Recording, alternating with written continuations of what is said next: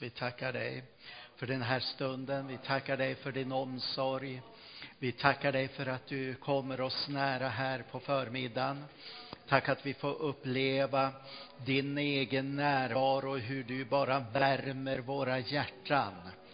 Och du värmer våra själar med din egen närvaro. Vi bara prisar dig, Jesus Kristus. Vi tackar dig för din kärlek. Vi tackar dig för din kraft. Vi tackar dig för att du är den levande uppståndne frälsaren som sitter idag på Faderns högra sida och regerar och, och du manar gott för oss. Halleluja. Tack att du innesluter alla böneämnena som vi har bett för här idag också. Det gör du i himmelen, Jesus. Och vi prisar dig Jesus att du innesluter oss allesammans. I vilken situation vi än befinner oss i så lämnar du oss inte, du överger oss inte, utan du är alltid hos oss, alltid med oss. Och när vi har det svårt, när vi har det jobbigt, då kommer du på ett extra speciellt sätt och bär oss igenom. Halleluja! Åh, vi bara prisar dig. Vi bara tackar dig Jesus. Ja, halleluja, halleluja. Tack att du gör under här idag på förmiddagen. Tack för vittnesbörden här som vi har fått hört. Tack att du är trofast, halleluja. Och tack att du eh, ser oss i alla situationer. Tack Jesus Kristus. Amen, amen. Varsågod, sitt ner. Ja, det är underbart att, att höra vittnesbörd, för det blir en sån uppmuntran att i vilken situation vi än befinner oss i så, så är den heliga Ande där. Han hjälper. Och, och vi kan känna på det sättet som vi uttryckte också i sången här att eh, vi själva är så svaga. Eh, och, och, och, vi förmår inte eh, göra det eh, som behöver göras. Men då kommer han till. Prisad vare Herren. Och, och, det är det som vi har upplevt säkert var och en. Eh, att eh, vi står eh, ibland, kanske ganska ofta, i den situationen när vi har tömt ut allting. liksom, vi har kommit till slutet av oss själva. Och vem är där? Jag frågar, vem är där? Jesus. Han är ju där även när vi känner hur kraften och inspirationen flödar så är han ju där och, och, och, och gläds med oss på det sättet. Va? Men när vi kommer till slut av oss själva så är han fortfarande där. Och då tar han tag tillsammans med oss genom den helige Ande och hjälper oss. Ja, som vi hörde här så, så eh, Jerry skulle jag predika, men han ringde i igår morse och eh, berättade hur det var så att eh, vi också kan be tillsammans och hålla upp dem. Eh, också hålla upp eh, Majvor och även Jerry eh, eh och bara och innesluta dem i förböner. Och han uttryckte också vilken, vilken tillgång det är med församlingen och bönegrupperna och förbönerna. Och jag tror att eh, vi, vi, vi eh, kanske ibland eh, känner att ja, men vi kan ju inte göra något annat än be. Men tänk vad bön är viktigt när man står i sådana här situationer utav sjukdom och, och, och, ja, vad det än är, va? Eh, så är det så viktigt att vi sluter oss tillsammans. Vi håller upp eh, varandras armar eh, och, och eh, stöttar upp på det sättet. Och, och vi vet att eh, Jesus, han, han svarar på bön. Vi ska slå upp i eh, första Korinthierbrevet, det femtonde kapitlet. Ehm, det var så härligt med, med sångerna här och just att eh, det också kom över på den heliga Ande. För vi kommer att börja på ett visst sätt här och tala om eh, eh uppmuntra varandra angående Jesu uppståndelse. Men vi kommer också komma in på uppståndelsekraften eh, innan vi avslutar här idag. Eh, men eh, det är ju, vi, ja, vi kan läsa först eh, de här verserna som, som jag känner att vi, vi ska få med oss här i dag på förmiddagen. Det är från vers 1 till och med 20 i första Korintierbrevet, det femtonde kapitlet. Det står så här, bröder och givetvis också systrar. Jag vill påminna er om evangeliet som jag förkunnade, som ni också tog emot, på vars grund ni står och genom vilket ni blir räddade. Jag vill påminna er om orden i min förkunnelse. Den håller ni väl fast vid? Annars var det för bortkastat att ni kom till tro. Bland det första jag förde vidare till er var detta som jag själv hade tagit emot. Att Kristus dog för våra synder i enlighet med skrifterna. Att han blev begravd, eh, att han uppstod på tredje dagen i enlighet med skrifterna. Och att han visade sig för Eh, Kefas och sedan för de tolv. Därefter visade han sig för mer än 500 bröder vid ett och samma tillfälle. De flesta är ännu i livet, men några har avlidit. Därefter visade han sig för Jakob och sedan för alla apostlarna. Allra sist visade han sig också för mig, detta ofullgångna foster. Jag är ju den minste av apostlarna, inte värdig att kallas apostel, eftersom jag har förföljt Guds församling. Men genom Guds nåd är jag vad jag är, och hans nåd mot mig har inte varit förspilld. Jag har arbetat mer än någon av dem, fast inte jag själv utan Guds nåd som har varit med mig. Jag eller det, så är det vi, vi eh, eh, så är det vi förkunnar och så är det ni har lärt er att tro. Men om det nu förkunnas att Kristus har uppstått från de döda, hur kan då några bland er säga att det inte finns någon uppståndelse från de döda?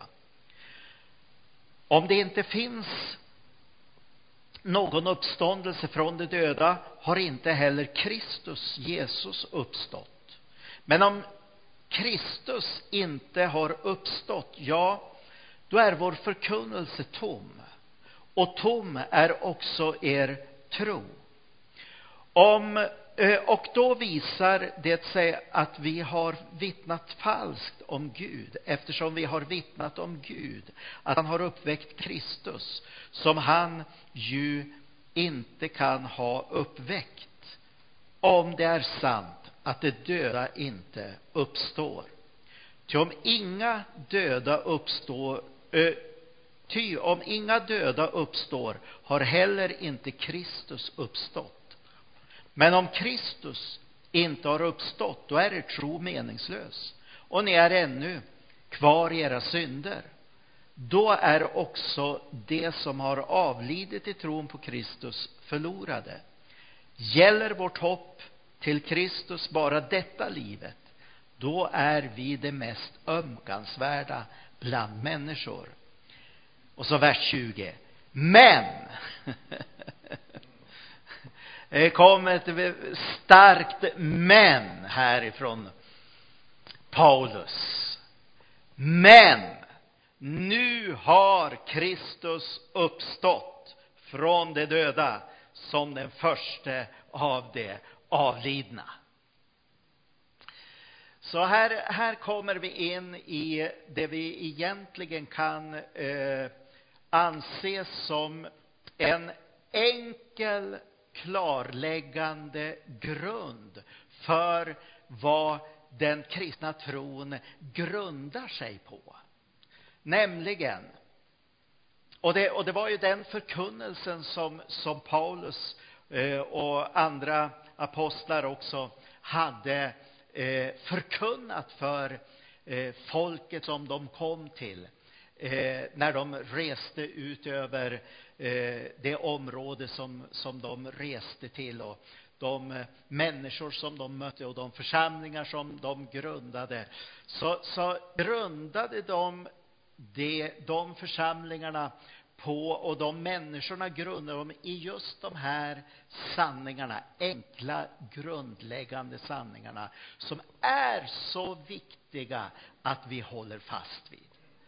Paulus skriver ju här som det första, han, han, skriver, eller första versen här, eh, jag vill påminna er om evangeliet som jag förkunnade. Alltså när han kom till dem. Jag vill påminna er. Egentligen all predikan, i princip nästan all predikan och undervisning är en påminnelse. Eller hur? En påminnelse om vad vi själva har sett och läst och hört. Men det är en påminnelse undan för undan till, eh, till att hålla fast vid de sanningarna och de grunderna som Eh, vi redan har tagit emot eh, och som vi har grundat vår tro på.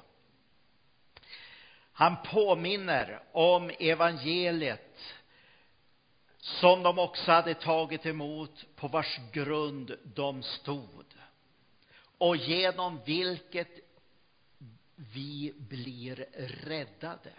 Så det betyder att om vi blev räddade, vi blev ju räddade ifrån mörkret och till ljuset, ifrån, ifrån, eh, ifrån världen och in i Guds rike.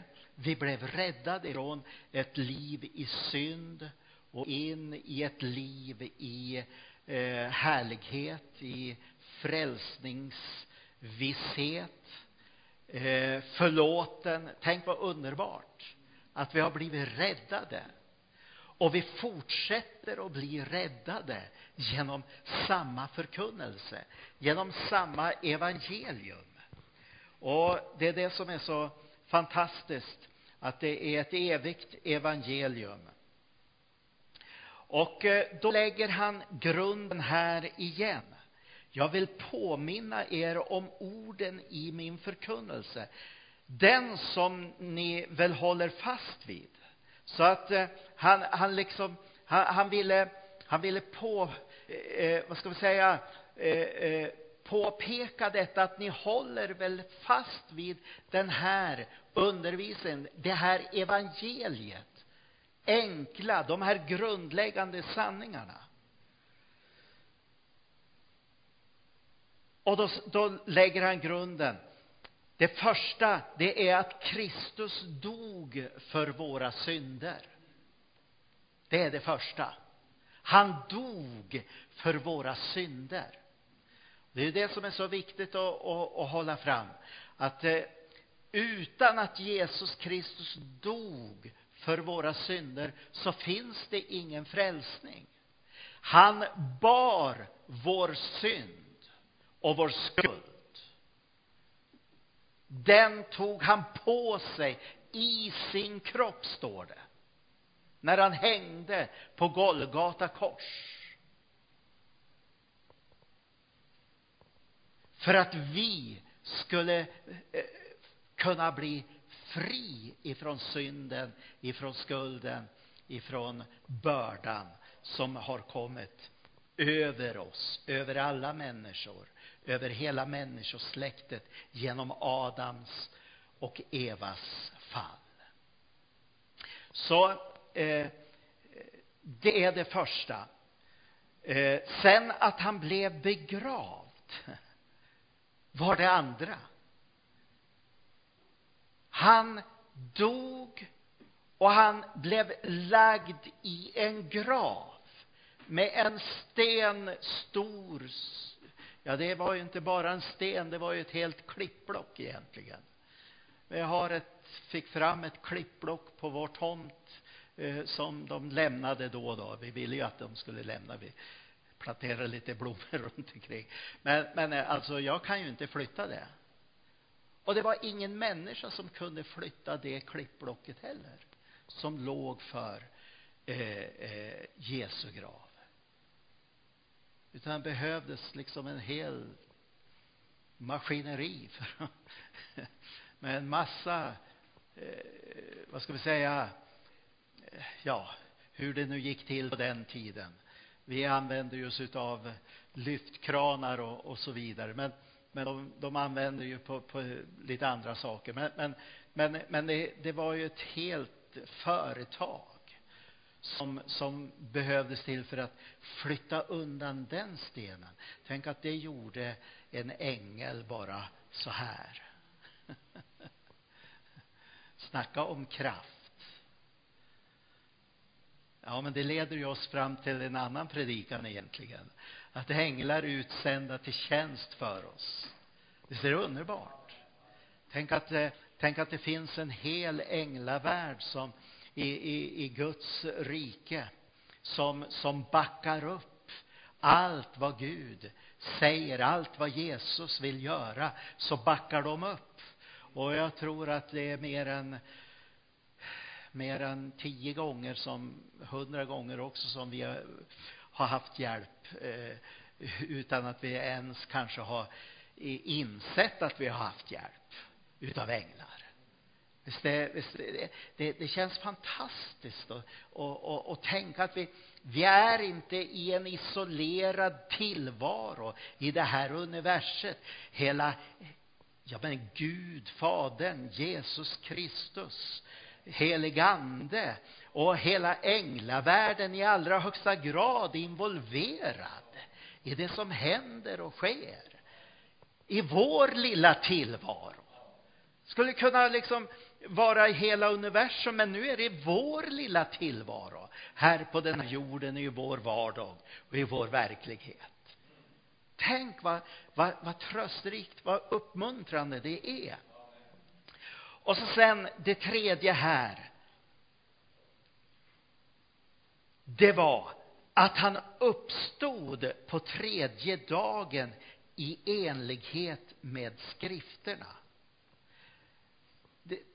Och hela Paulus eh, eh, argument sen nu här då för att det finns en uppståndelse visar hur viktigt det är att predika Jesu uppståndelse. Vi predikar Jesu död och uppståndelse. Inte bara Jesu död, även om inte det är bara. Vi predikar heller inte bara Jesu uppståndelse, även om det inte heller är bara. Utan vi predikar evangeliet om Jesu död och uppståndelse. Jesus dog för våra synders skull. Han uppstod för vår rättfärdiggörelses skull. Vad betyder den formen av rättfärdiggörelse som vi läser om där i Romarbrevet? Jo, det betyder att eh, vi har en rätt ställning inför Gud. Vi är Guds barn. Han uppstod för att vi skulle kunna bli födda på nytt. Han dog för att vi skulle kunna bli födda på nytt och få bort synden som stod oss i vägen. Och så uppstod han för att vi skulle kunna eh, få evigt liv i våra hjärtan.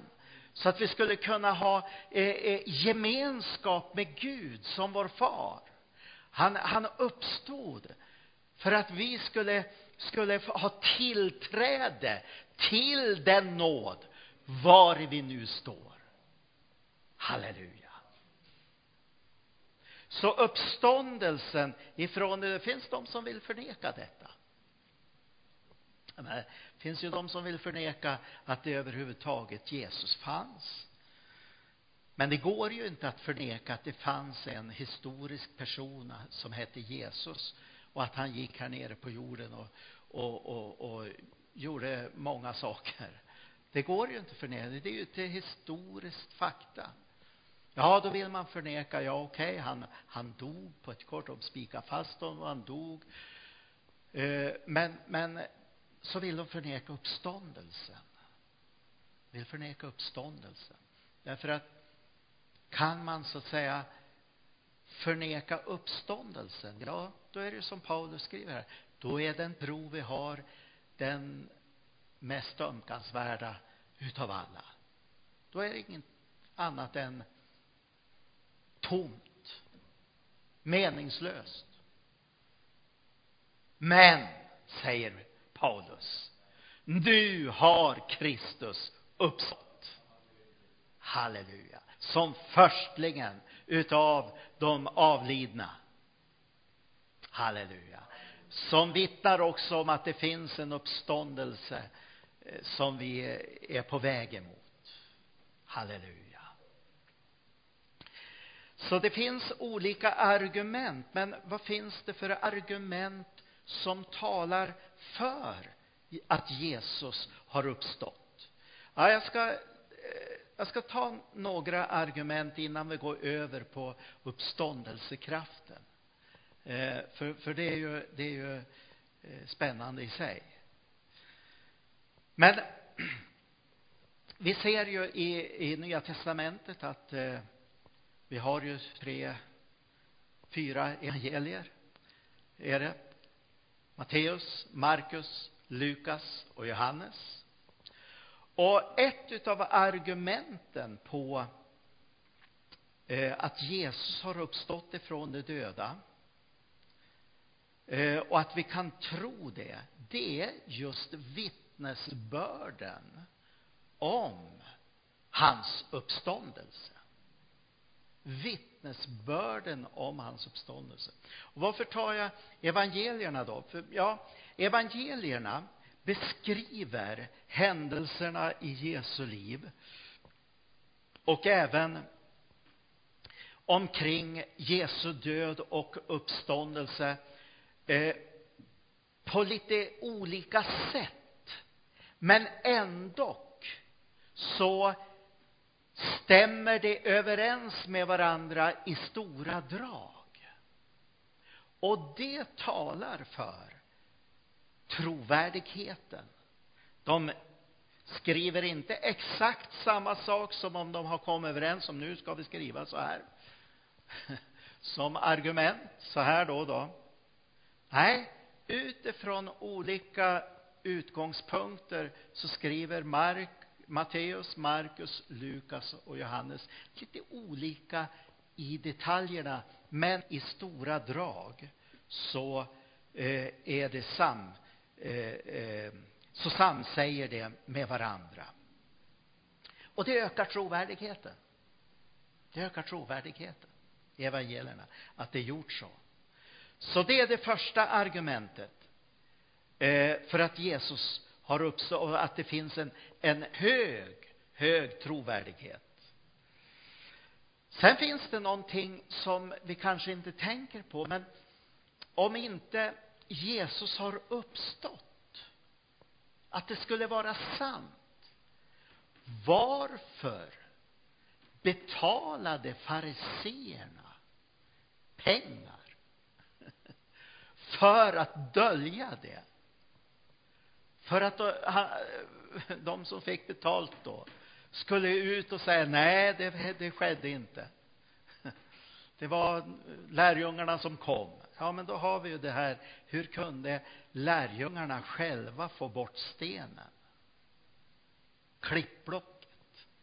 Hade de med sig då en bulldozer eller en lyftkran eller ja, vad man då använde för att lyfta saker. Alltså det var ju ett sånt gigantiskt projekt om de skulle få bort stenen. Det var liksom inte bara för ett par stycken att rulla bort den, utan det var ett gigantiskt projekt. Varför skulle de betala för att dölja det? Ja, eh, vi får ta, ta det argumentet också. Så egentligen, att de betalade för att dölja det ökar trovärdigheten för att det faktiskt skedde. Sen finns det ju någonting som, som eh, man eh, ja, eh, brukar anföra som argument också. Och det är att han var skendöd. Eh, och så vaknade han till liv och då när han var inne i graven och så klev han ut ur graven. Men den eh, eh, synen och det argumentet emot Jesu uppståndelse, det är inte alls trovärdigt.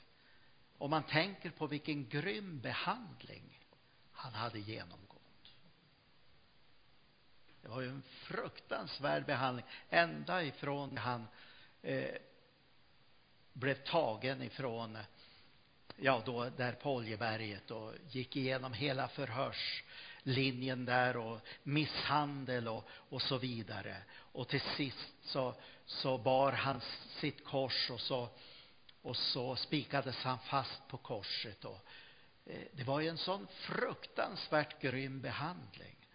Så, så eh, ingen kan överleva en sådan behandling.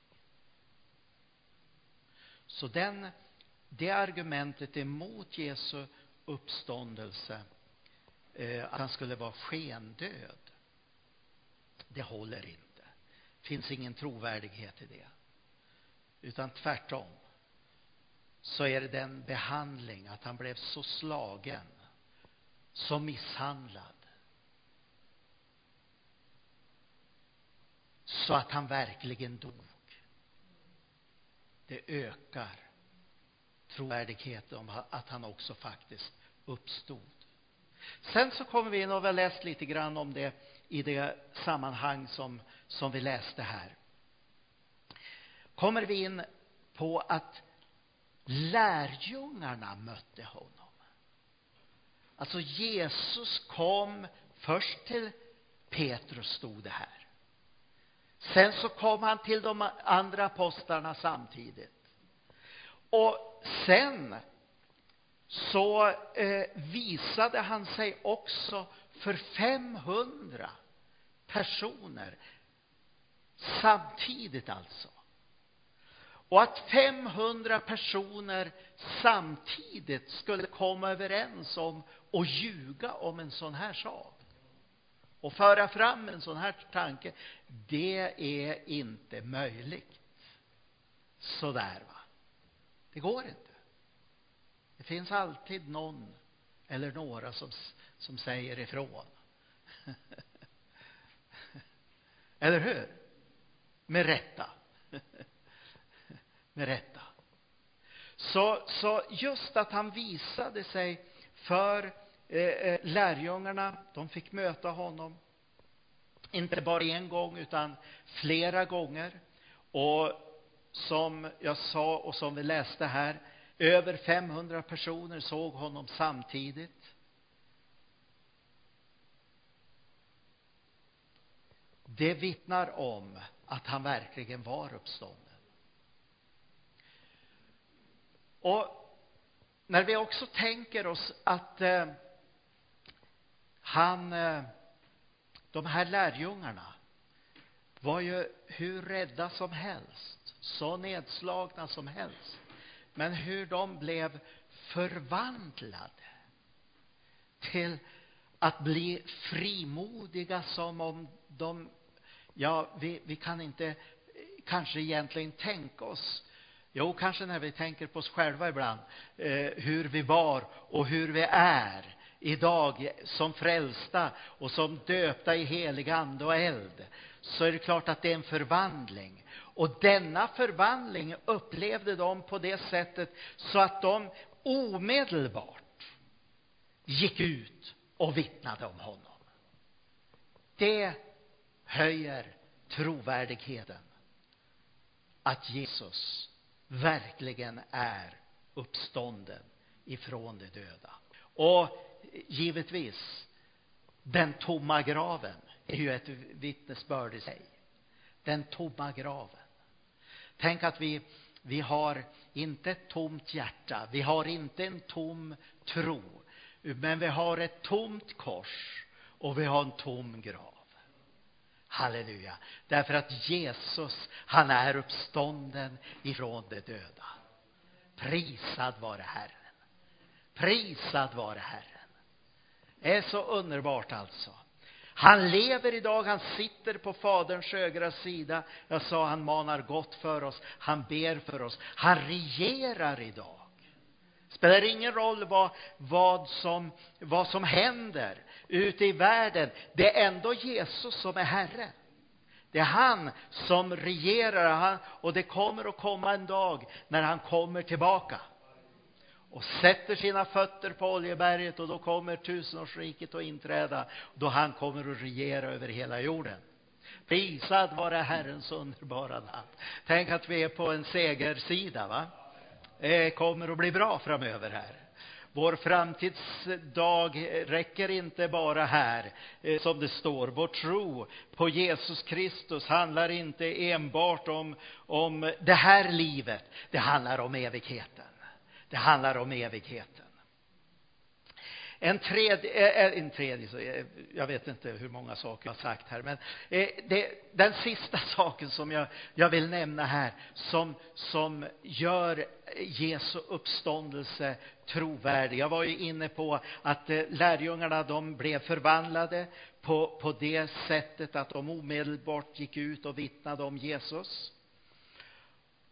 Och då vill jag på, pekar peka här på att effekten av hans uppståndelse, vad var det? Jo, det, det var Guds rikes utbredande över hela jorden. Guds rikes utbredande över hela jorden. Jo, men det är väl klart att det finns ju många religioner som har kommit och gått och som eh, breder ut sig och på det sättet. Va? Eh, men, men, men eh, det finns ingen som har utbrett sig på det sättet och i den omfattningen genom hela historien, kyrkohistorien. Eh, eh, som Guds rike, alltså efter Jesu uppståndelse. Och det säger att han verkligen är uppstånden ifrån de döda. Hur kan Guds rike bryta igenom ja, i våra hjärtan, i städer, i byar, i länder, stängda länder, för evangeliet. Hur kan evangeliet bryta igenom, Guds rike bryta igenom? Jo, genom den helige Andes kraft. Jesu uppståndelse eh, har att göra med den helige Ande. Vad säger Romarbrevet 8 och 11? Vi, kan, vi ska ta ett par bibelverser på det. Jo, där säger Eh, där, där står det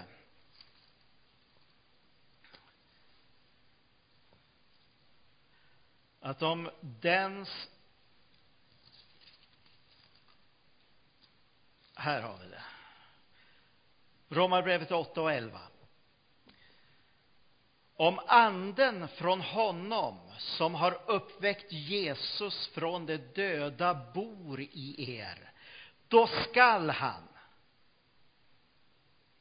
då skall han. Då skall han. Inte kanske. Förhoppningsvis. Nej, det står då skall han som har uppväckt Kristus från de döda göra också era dödliga kroppar levande genom att hans ande bor i er. Ja, men det är väl så att vi, vi upplever ju att vi har en, en, en jordisk kropp som, som vi försöker att transportera runt genom livet. Eller hur? och, och vi, ibland så känner vi, nej, den här jordiska kroppen, den, den orkar jag inte upp ur sängen med en gång idag. Utan den, den liksom får ligga där. Men visst kan vi känna det så. Eller man, alltså nu, nu har det blivit så med mig också. Eh, kanske inte är så med, med någon av er, men, men med mig har det blivit så att, att när, när jag kommer hit ner och ska göra någonting här, då, då står jag en stund så här och funderar på, är det något mer jag ska göra här nere medan jag är här nere?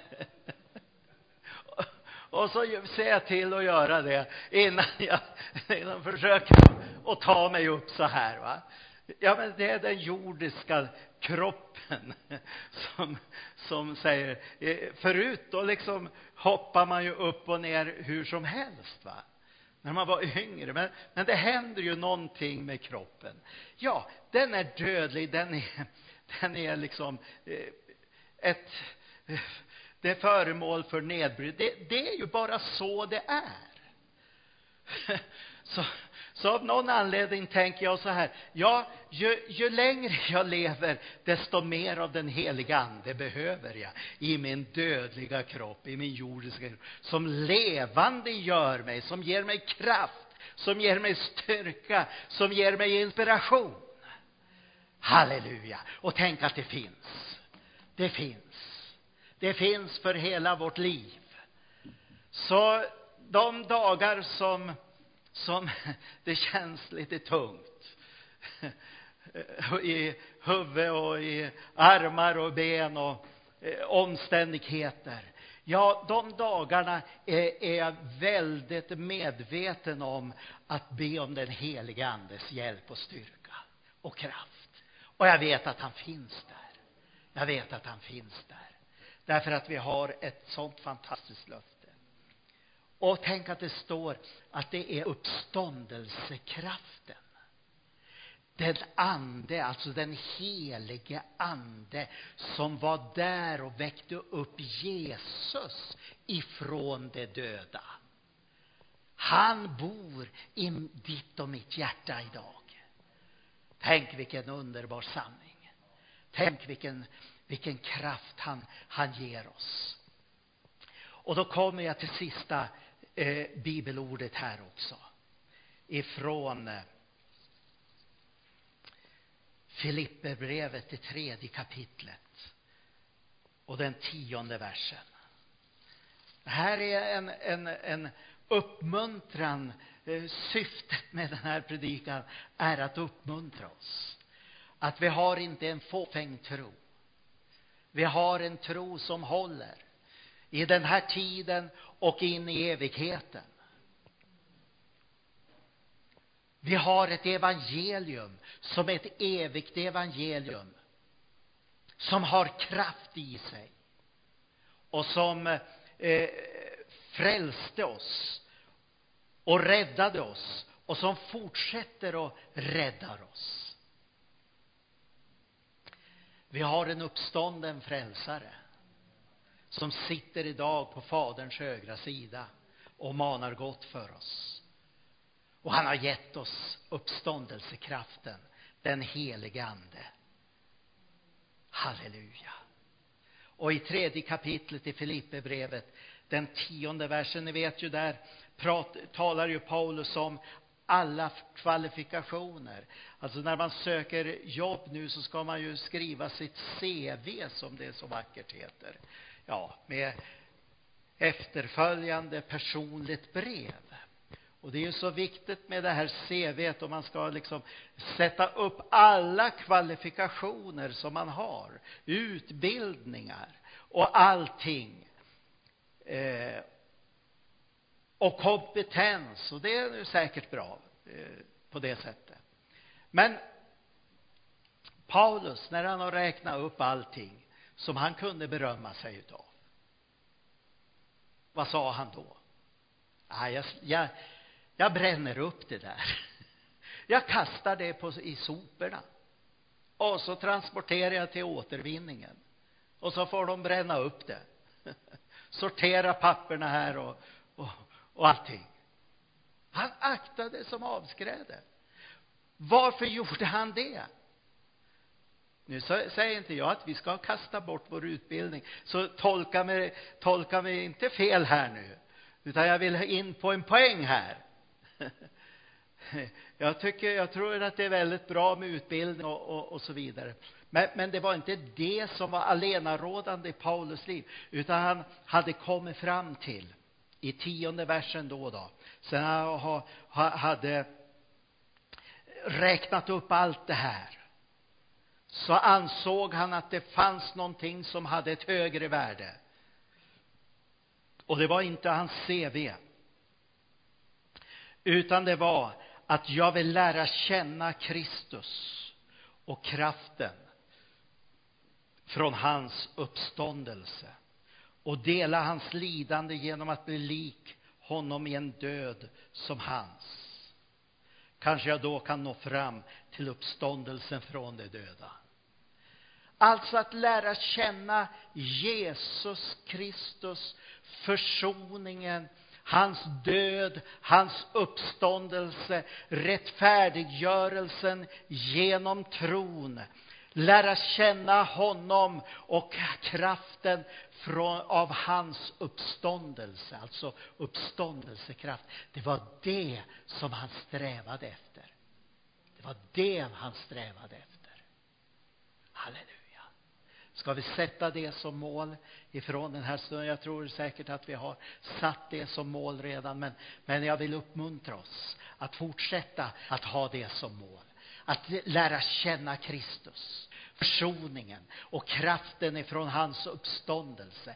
Den helige Ande i vårt vardagsliv, i vårt församlingsliv, i, i utbredandet av Guds rike. Hur kan Guds rike utbredas? Jo, det är genom att vi vandrar med den helige Ande att vårt vittnesbörd, vår predikan får ske genom den heliga Andes kraft och uppenbarelse. Och då, då spränger det igenom varje barriär, varje dörr spränger det igenom. Det finns inget som heter järnridå då, och ingen bamburidå och ingen ridå överhuvudtaget, utan det spränger igenom, det går rakt igenom. Precis som Jesus gick igenom stängda dörrar efter sin uppståndelse så går evangeliet idag också genom stängda dörrar och stängda murar. Det går rakt igenom och möter människors hjärtan och förvandlar människors liv. Jag menar, det förvandlar våra liv, det förvandlar våra omständigheter och det förvandlar andra människors liv också.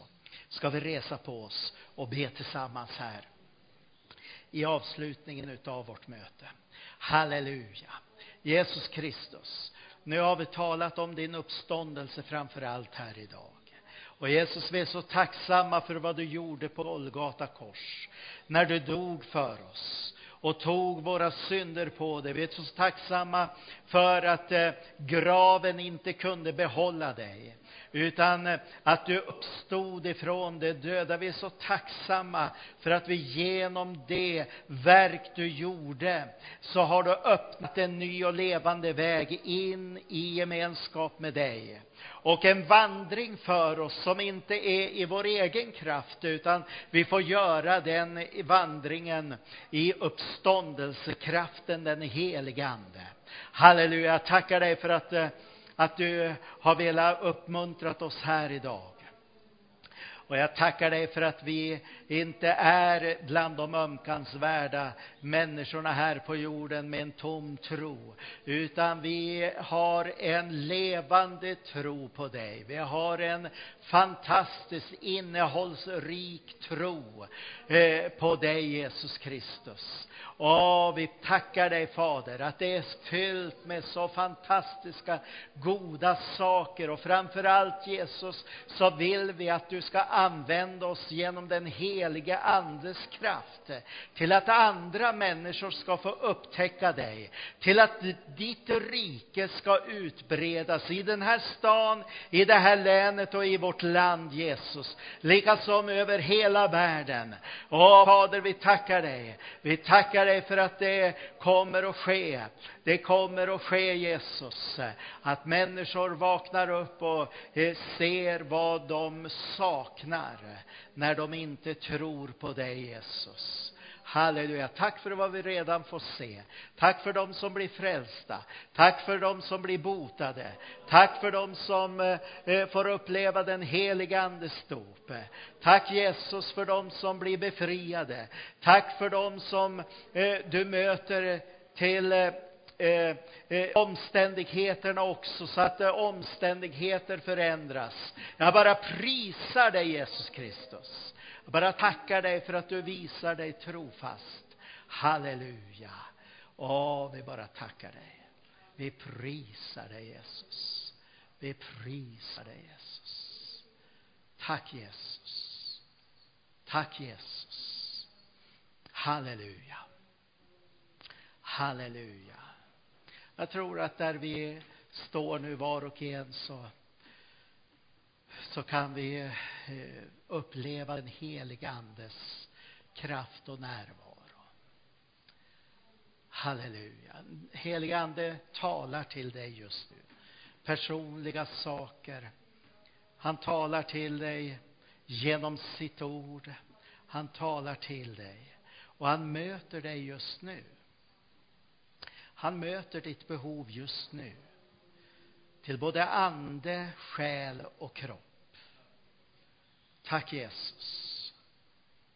Tack att du möter var och en Jesus. Tack att vi får ta emot ifrån dig nu här. Tack Jesus. Tack Jesus. Halleluja. Tack att du på allt sätt visar att du har omsorg om oss. Var och en. Tack för din kraft, Jesus. Tack för nytt mod där modet har fallit, Jesus, och falnat. Tack för ny eld där elden håller på att slockna.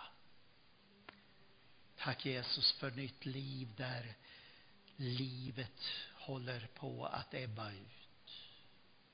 Tack Jesus. Tack att du förvandlar. Du förvandlar. Halleluja. Tack Jesus. Tack att vi får överlåta oss åt dig i den tid som vi lever i. Vet att det kommer att hårdna, klimatet kommer att hårdna, men tack att du kommer att stå oss bi med din kraft. Vi behöver inte vara rädda, utan vi vet att du är med oss och bekläder oss med ännu större kraft och frimodighet. Halleluja, beskydd och omsorg. Tack Jesus. Tack att du tröstar dem som sörjer idag också. De som har förlorat nära anhöriga. Tack att du tröstar dem. Tack att du tröstar dem, Jesus. Tack att den helige Ande är tröstaren. Jesus Kristus, vi prisar dig. Vi prisar dig. Tack att vi får lyfta upp ungdomarna inför dig. Jesus Kristus, vi ber för ungdomarna. Vi ber i Jesu namn att du ska komma med en ungdomsväckelse rakt in i det här området, Jesus. Och att du ska föra ungdomar till församlingen, Jesus. Det finns så många som haltar också på båda sidor och inte har någon fasthet i sin tro utan är som en vindflöjlar som, som, som inte har någon rot, Jesus. Vi ber för dem, Jesus att de skulle ta, ta till sig det, e, det eviga livgivande ordet som en grund i sina liv. Åh, Jesus Kristus, vi vet ju själva, många utav oss, vad det har inneburit i våra liv. Det har inneburit förvandling, det har inneburit stabilitet. Det har inneburit att när det har skakat under våra fötter så har, så har du uppehållit oss med ditt ord, Jesus. Eh, när, när sjukdom har kommit och attackerat så har ditt ord verkat, Jesus Kristus, både till uppmuntran och till helbrägdagörelse. Jag bara prisar dig, helige Ande, för att du ska komma som aldrig förr in i kristenheten. Åh, in i den här stan, Jesus, in i det här länet, Jesus. Åh, du ska komma med väckelse och förvandling, Jesus. Åh, framförallt bland ungdomar, Jesus. Åh, vi bara ber, vi bara ber om det. Vi bara ber om det i Jesu. I Jesu Kristi namn. Amen. Amen. Tack Jesus. Har vi någon sång till slut här?